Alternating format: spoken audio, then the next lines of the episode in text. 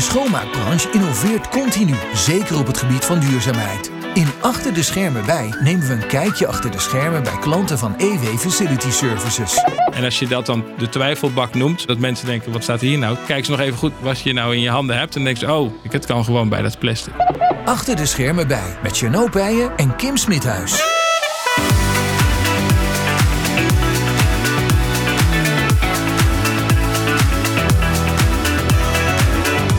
Hallo allemaal, mijn naam is Chino van EW Facility Services. Ik ben Business Development Manager.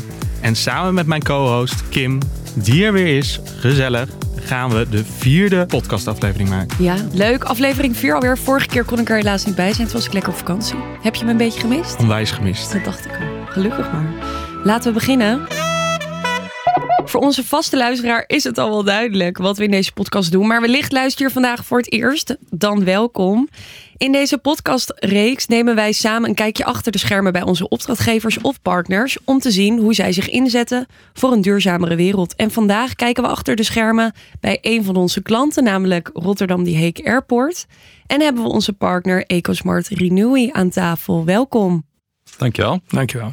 Ja, dan kijk ik gelijk even Koen aan. We, welkom Koen. Wij zijn al uh, enige tijd uh, partner van jullie uh, om de schoonmaak bij Rotterdam Die Heek te doen. Maar kun je misschien vertellen wie jij bent en waarom duurzaamheid zo belangrijk is voor jullie organisatie? Ja, dankjewel. Um, nou, mijn naam is Koen Pauw. Ik werk als duurzaamheidsadviseur op Rotterdam Heek Airport. Ja, duurzaamheid is ontzettend belangrijk voor onze luchthaven. we weten dat vliegen CO2 uitstoot. We weten dat dat een klimaatimpact heeft. Daar hebben we als luchthaven natuurlijk ook een rol in. En daarom zetten we ontzettend breed in op duurzaamheid en innovatie. Zoals wij dat zeggen, dat verdelen we in wat we doen op de grond en wat we doen in de lucht. Als luchthaven zijn we natuurlijk direct verantwoordelijk voor wat we op de grond doen. Uh, dus dat betekent dat we in 2030 uh, eh, zero emissie willen zijn. Dus in onze grondgebonden operatie willen we dan geen CO2 uh, eh, meer uitstoten. Dus dan kun je denken aan de voertuigen en het materieel. Um, zowel van ons als van onze partners. En aan de andere kant willen we ook zero waste zijn in 2030. Ja, en daar gaan we het vandaag over hebben volgens mij. Nou, dat uh, zijn flinke ambities. En uh, jouw functietitel is dan, want uh, voor de luisteraar, ik weet dat er veel organisaties ook een beetje zoekende zijn in wat voor functies op het gebied van duurzaamheid zetten we dan in. wat is jouw functietitel? Mijn functietitel is duurzaamheidsadviseur. Duurzaamheidsadviseur ja. binnen Rotterdam Dijk Airport. Ja. Nou mooi, welkom Koen. Leuk. Ja, mooi, wat goed om te horen dat je als vliegveld zo hard aan het timmeren bent om zo duurzaam mogelijk te opereren. Je zegt zelf al, tuurlijk hè, we stoten CO2 uit, de vliegtuigen, maar de airport ook. Dan zit je natuurlijk op duurzaamheid ook op het stukje afval. En uh, jullie hebben best wel wat ambities op het gebied van zero waste, als ik het zo goed ja. zeg. Zo noemen jullie dat ook. Wat zijn dan bijvoorbeeld concrete ambities met betrekking tot minder afval? Nou, zoals ik zei, zero waste 2030. Uh, hoe wij dat zien is dat wij al het afval, dus dan hebben we het zowel over dat wat de passagier weggooit, wat de medewerker weggooit, en de horeca en de winkels. Maar ook de, grond, de grondstoffen in de gebouwen en de treinen die we hebben. Dat we dat hoogwaardig gaan hergebruiken. Dus het betekent niet dat er absoluut niks meer weggegooid gaat worden. Maar het betekent wel dat we niks meer die verbrandingsoven in gaan uh, stoppen. Uh, en als het dus hoogwaardig gaan hergebruiken. Dus ja, dus de airladder, die gebruiken wij als rode draad in onze duurzaamheidsstrategie.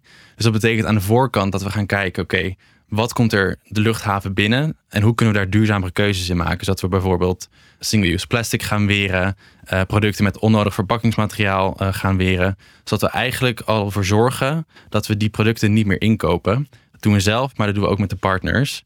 En daarnaast hebben we nu sinds kort ook uh, Renewy en Siemens aangesloten die ons gaan helpen met onze zero waste strategie. waardoor we ook dus de afvalstroom hoogwaardig kunnen hergebruiken. En hoe gaat dan zo'n proces? Want dat klinkt natuurlijk hartstikke mooi. Het gaat niet meer de verbrandingsoven in. Maar hoe zorgen jullie dan voor een nieuwe bestemming van bijvoorbeeld het plastic of uh, nou ja, ander afval dat bij Rotterdam Dieek Airport binnenkomt? Ja, nou, dus dat, dat is echt een samenwerking die we met Renewy en Siemens zijn aangegaan. Um, dus we gaan heel erg da data-driven. Dus op basis van data kijken, oké, wat zijn de verschillende stromen? Uh, en welke innovaties zijn er in de markt om te kijken hoe kunnen we deze op een zo duurzaam mogelijke manier en met zo min mogelijk CO2-uitstoot gaan hergebruiken. Dus dat zal soms niet altijd economisch de beste keuze zijn. Uh, maar op het gebied van duurzaamheid uh, zal het wel de beste keuze zijn. Dus ja, daar gaan we de komende jaren hopelijk echt grote stappen in maken.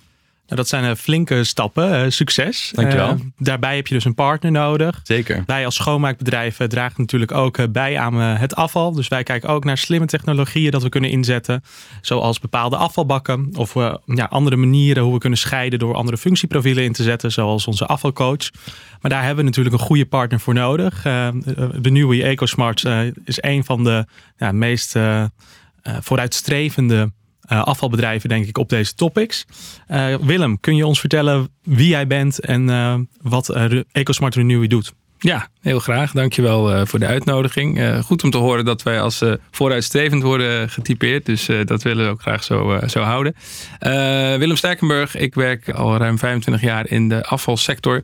Waarvan het allergrootste gedeelte ook dus bij, bij Renewy. En ik ben verantwoordelijk voor, de, voor de, de bedrijfs, het bedrijfsonderdeel EcoSmart. Leuk uh, Willem, dank dat je, dat je hier bent. Kun je misschien ook aangeven hoe Renewy, uh, EcoSmart Renewy, moet het wel goed zeggen. Renewy EcoSmart. Renewy EcoSmart. Renewy EcoSmart. EcoSmart. Kim, wil jij het nog één keer doen? Renewy EcoSmart. Dankjewel. Renewy EcoSmart uh, bijdraagt aan partners zoals Rotterdam The Airport aan die zero waste doelstellingen. Ja. Uh, ja, wat wij doen met Renewy EcoSmart is eigenlijk de eerste schakel in het proces van waste to product uh, zijn. Hè. Dus Renewy is het bedrijf dat het afval zeg maar, vanaf de achterdeur ophaalt en daar uh, weer nieuwe grondstoffen voor nieuwe producten van maakt. En, en EcoSmart richt zich voornamelijk op zeg maar, die eerste stap in dat proces. Het afval ontstaat niet bij de achterdeur uiteraard, maar het ontstaat natuurlijk al op het moment dat je het inkoopt. En wij kijken ernaar hoe kan je nou zorgen dat je ook minder afval überhaupt hebt. En als je het dan toch hebt, hoe organiseer je het dan dusdanig intern zo dat je ook dat afval op een goede manier kunt scheiden. En ook gescheiden houdt uh, in dat interne proces. En dat, dat lijkt soms heel simpel. Hè? Kijk, bij een bakker en een slager is dat ook niet zo moeilijk. Die lopen gewoon naar de achterkant van een winkel en die gooien het in de juiste bak hopelijk.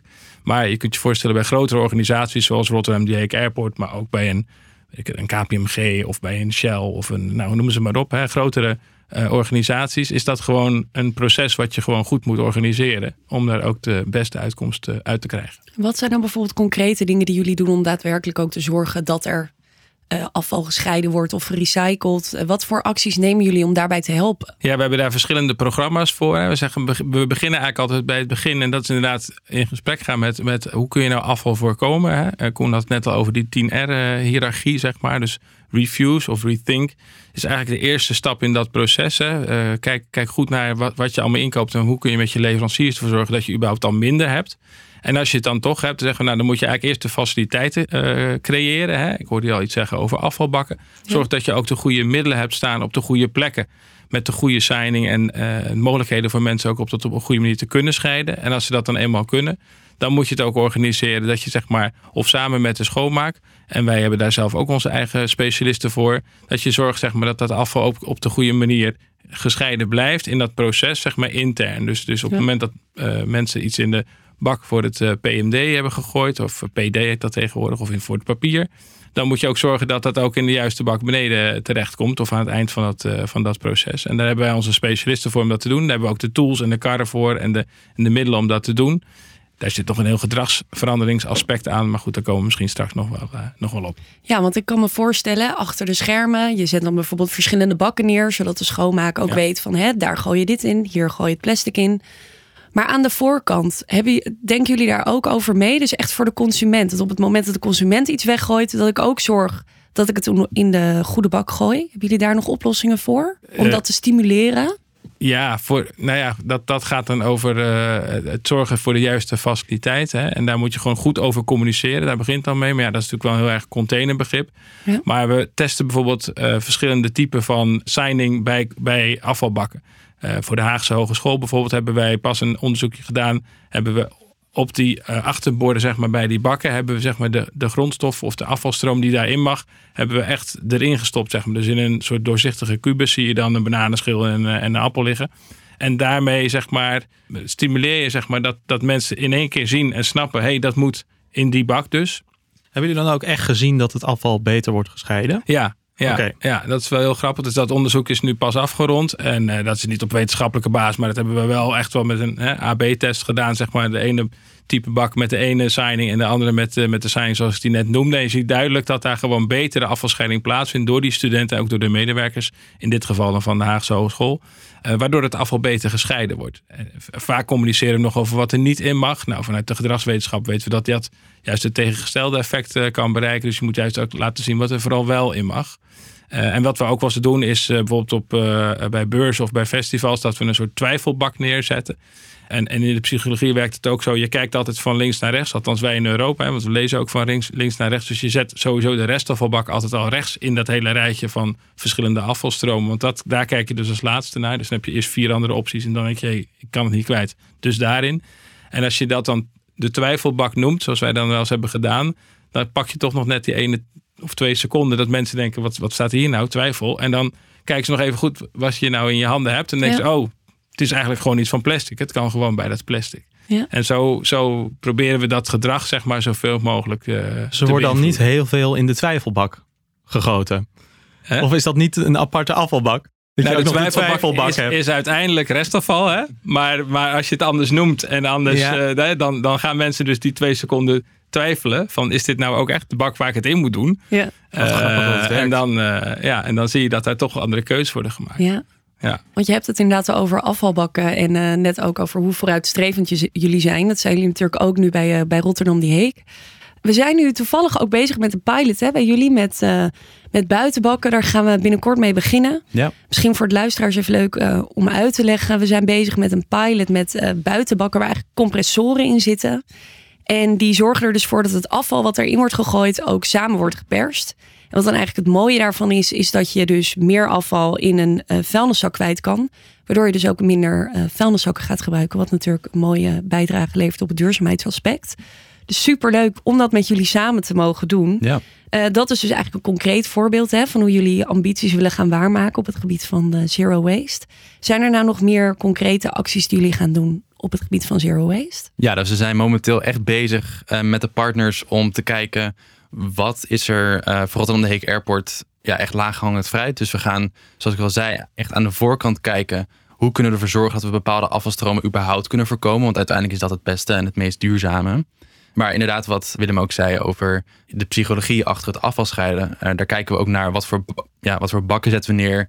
Waar zetten we die neer? Uh, hoe worden die stromen gescheiden? Hoe gaan we uh, de medewerkers die de, afval, ja, de afvalbakken moeten legen instrueren? Ja. Um, dus we moeten eigenlijk iedereen meenemen. Uh, van de passagier tot de medewerkers op het kantoor. Tot aan de retailpartners, de horecapartners, de schoonmaak, noem maar op. Uiteindelijk hoop ik ook de airline.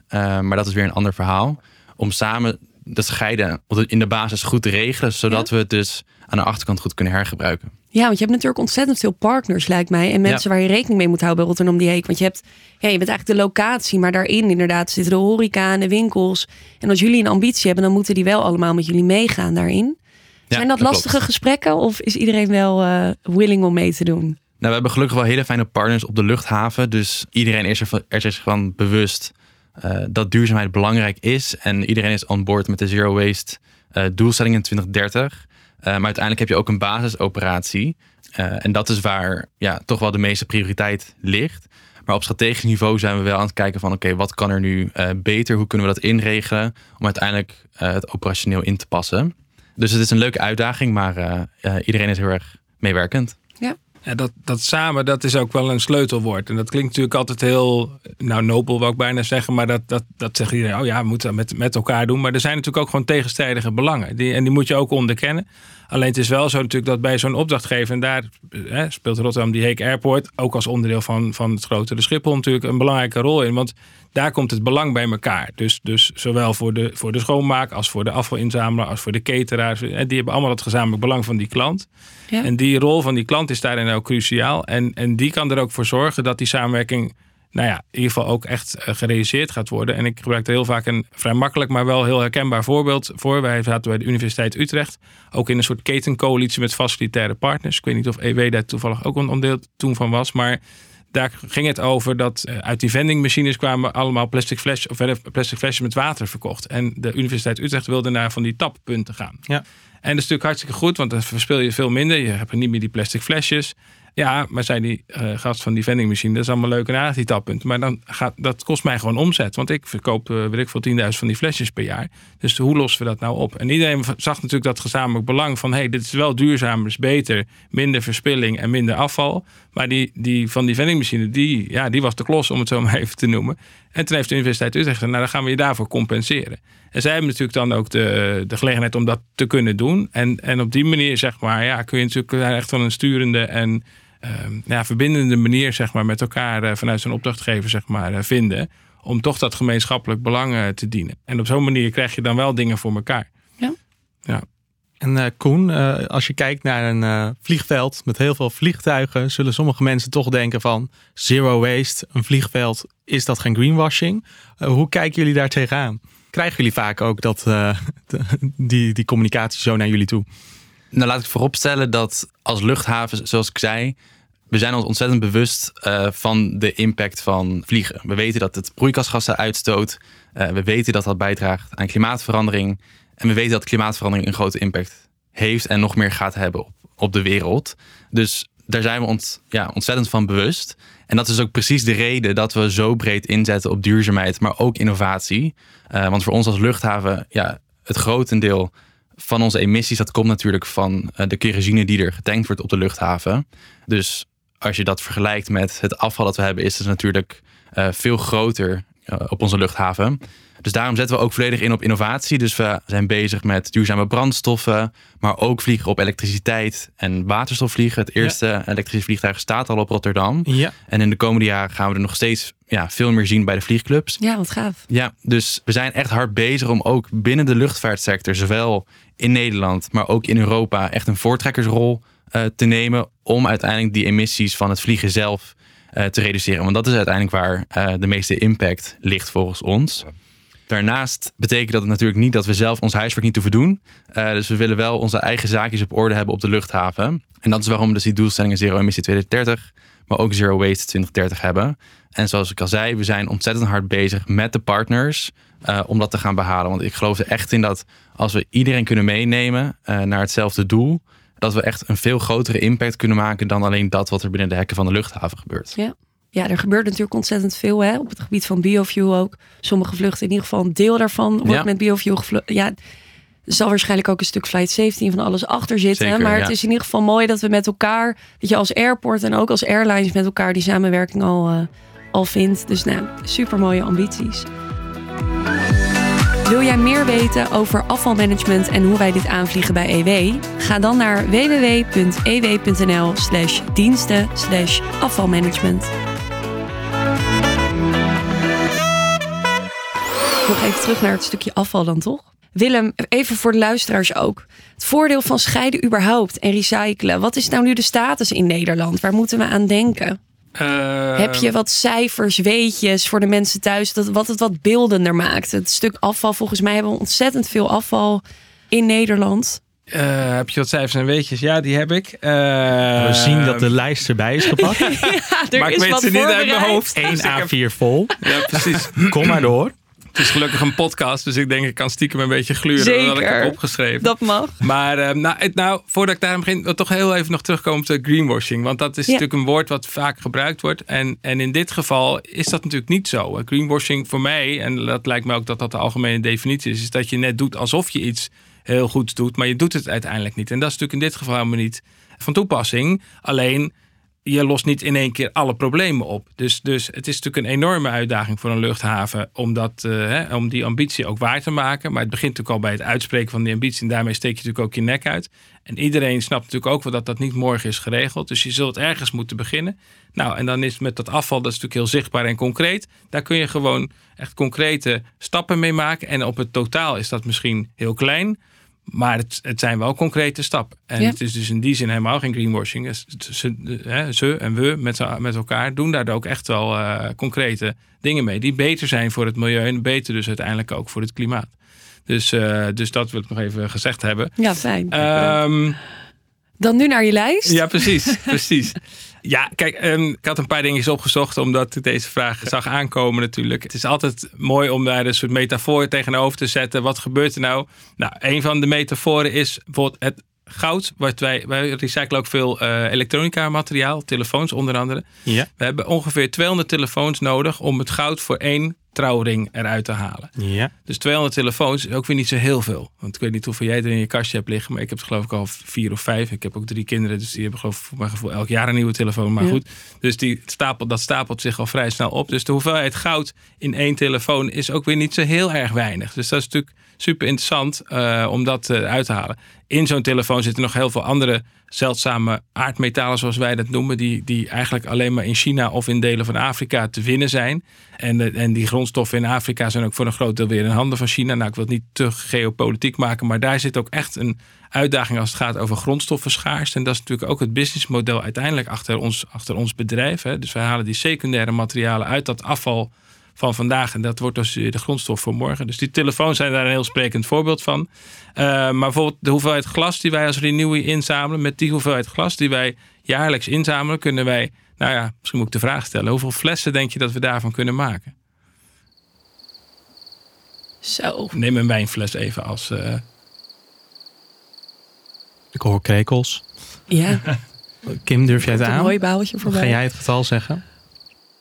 Van alles wat jullie inzamelen, hoeveel flessen je daarvan kan maken? ja, per jaar. Miljoen. Aan hoeveelheid glas? Mm, ik denk, ehm, ja, ik ga nu een heel, ik, ik denk 10 miljoen. Ja. Heb jij nog Zit een idee, Koen? heel ver vanaf. Een flauwe vraag. Ik denk dat het iets minder is. Het is meer. Meer, oké. Het is 2 miljard. Oh, wauw. 2 miljard, 2000 miljoen flessen maken wij op jaarbasis uit. uit nou, wij maken ze niet trouwens. Hè. Wij halen de grondstoffen, hè, dat glas wat allemaal eh, wordt ingezameld. Dat glas is trouwens ook een prachtige eh, grondstof die je eindeloos kunt recyclen. Ik hoorde net iets over hoogwaardig recycling. En dat betekent dat wij maken vandaag de dag recycling is, is supergoed, maar er zit heel vaak toch een einde aan. Je kunt Ja. het maar 10, 20 keer of misschien soms drie keer maar recyclen. En dan wordt het, het bekendste voorbeeld is altijd iets van kunststof. Hè. Dat wordt op een gegeven moment een tuinbankje. En dan dat tuinbankje kun je ook nog recyclen. Er wordt een bermpaaltje, dat bermpaaltje rij je eruit.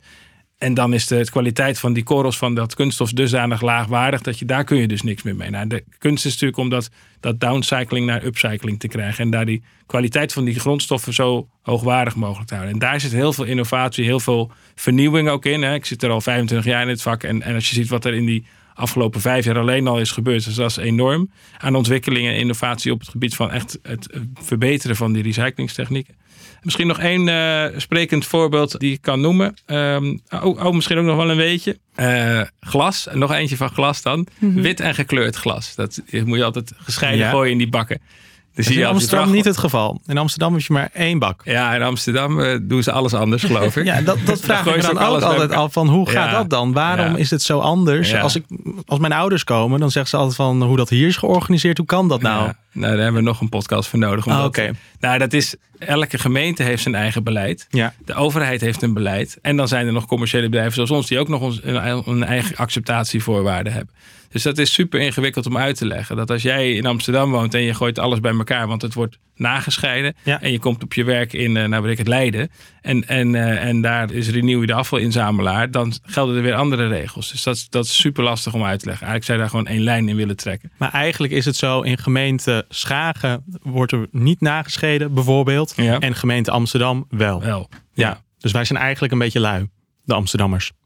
Eh, Want het nou, wordt voor een- ons gedaan. Er is een andere keuze gemaakt, omdat natuurlijk ook de, de gemeente samenstelling is natuurlijk anders. Veel hoogbouw, veel moeilijker. Als jij in een flat woont, kan je niet vier eh kliko's op je balkonnetje neerzetten. Eens. En, en in de gemeente Schagen hebben ze waarschijnlijk wat minder hoogbouw dan in eh, Amsterdam. Dus dat zijn gewoon keuzes, ja, beleidskeuzes die, die gemeentes maken. En die ruimte en die vrijheid, die hebben ze ook om dat te doen. En dat maakt het wel eens ingewikkeld. Dus, eh, dus ik ben ook wel pleitbezorgd van om gewoon veel meer en daarin één lijn te kiezen. En welke dat dan is, nou, dan moeten we dan maar met elkaar over uitvechten. maar, eh, maar, maar eenduidigheid is wel belangrijk. Vond ik al een leuk weetje. Alleen dan heel snel naar dat glas, voordat we naar ons lievelingsonderdeel Oh ja. gaan. Nou ja, even kijken hoor. Waarom zou je, eh nou wit en gekleurd glas kun je dus apart eh, weggooien in, eh, in, in één en dezelfde bak. En dan komt dus een grote auto langs en die, die stort dat dan. Dan denkt iedereen wat raar, want dat, dat wordt toch weer dan in één bak. Dat is niet waar, er zit al een schot tussen. Maar waarom denk je dat dat, dat, dat is? Dat, dat je wit en gekleurd apart moet eh, weggooien. Ik vind het een hele leuke vraag voor Koen. Nou, het eerste wat in mij opkomt is als je het wil hergebruiken, als je gekleurd glas hebt en je wil dat naar transparant glas maken, eh, dat dat lastiger is dan als je al begint met transparant glas. te makkelijke vraag kennelijk. Eh, Ik heb je rond de schat. Ja, dat is 100 dus punten. Ja, je, kunt- ja, Heerlijk. ja, jij gaat Ja. voor de... Het is ook een duurzaamheidsspecialist hè, die hier Ja, aan tafel precies, zit. precies, Dus eh, precies. blij om. Ja, ja. We gaan door. We gaan door. Nou, EW duurzaamheidsdilemma. ja Kim, leg maar uit. Ja. Wat is het EW duurzaamheidsdilemma? Eh, wat gaan we doen? Ja, we hebben, misschien kennen jullie wel het duivelse dilemma. Eh, we gaan jullie een dilemma voorleggen die jullie eh, nog niet weten. Dat is juist het leuke. En kies dan het, hetgeen wat als eerste bij je opkomt. Dus niet te lang nadenken. Gewoon roepen waarvan je zegt A of B. Ik zou voor B gaan. En dan even een korte uitleg waarom. We hebben eigenlijk twee per persoon. Ik wil eigenlijk even beginnen bij Koen. Dat is goed. En eh, dan gaan we gewoon beginnen, de eerste. Zin in.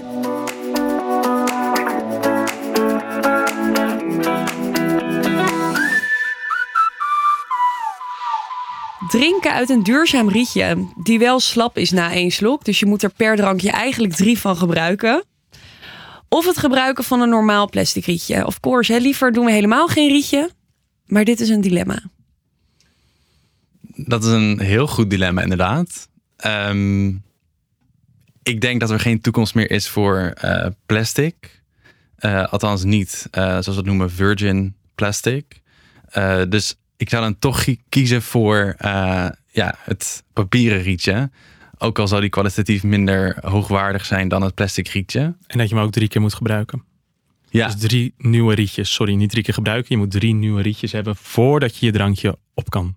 Ja, ja, ik denk dat ik me toch beter voel om een papieren rietje weg te gooien dan een plastic rietje. duidelijk. En virgin plastic, dat klinkt onwijs spannend. Kun je daar iets meer over vertellen? Nou, dat is eigenlijk plastic dat eh, voor de eerste keer geproduceerd is.